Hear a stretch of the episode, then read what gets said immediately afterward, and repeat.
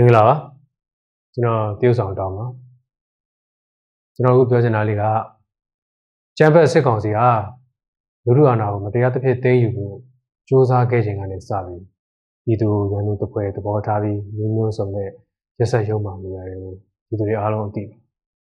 ဒါတွေကိုမာကြီးကလည်းသိရှိပြီးကျန်းဖက်စစ်ကောင်စီရဲ့ရာဇဝတ်မှုတွေကိုဒါစီရေးယူနိုင်ဖို့လိုအပ်လာပါတယ်ဒါကြောင့်ကျွန်တော်တို့ဟာ မြန်မာနိုင်ငံကသတင်းအချက်အလက်အမှန်တွေကို social platform မျိုးစုံကနေတစ်ဆင့်ပေးဖို့တင်ပြနေကြတာဖြစ်ပါတယ် Facebook platform သာမကအခြား social platform တွေဖြစ်တဲ့ Twitter, Instagram, YouTube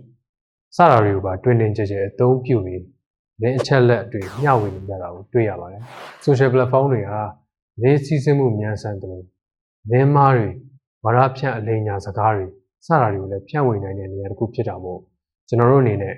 မှန်ကန်တဲ့သတင်းအချက်အလက်တွေကိုသာမျှဝေဖို့လိုအပ်ပါတယ်။အကြံဖတ်စစ်ကောင်စီရဲ့ကျူးလွန်မှုတွေတက်တေခံအထောက်အထားတွေကိုမှန်ကန်တိကျစွာသိရှိနိုင်ဖို့လူအခွင့်အရေးဆိုင်ရာဝန်ကြီးဌာနအနေနဲ့ official Facebook, Twitter, website စတဲ့ platform တွေကတစ်စက်အချိန်နဲ့တပြေးညီသတင်းမှန်တွေတင်ပြဆောင်ရွက်ရရှိပါတယ်။ဒါကြောင့်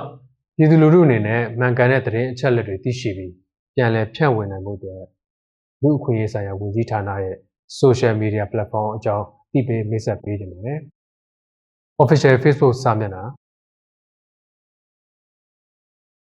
ချက်လက်အမှန်တွေကိုနိုင်ငံတကာပုံမှုသိရှိစေနိုင်မဲ့ official Twitter account လူအခွင့်အရေးဆိုင်ရာဆောင်ရွက်နေမှုတွေကိုအချိန်နဲ့တပြေးညီသိရှိနိုင်စေမဲ့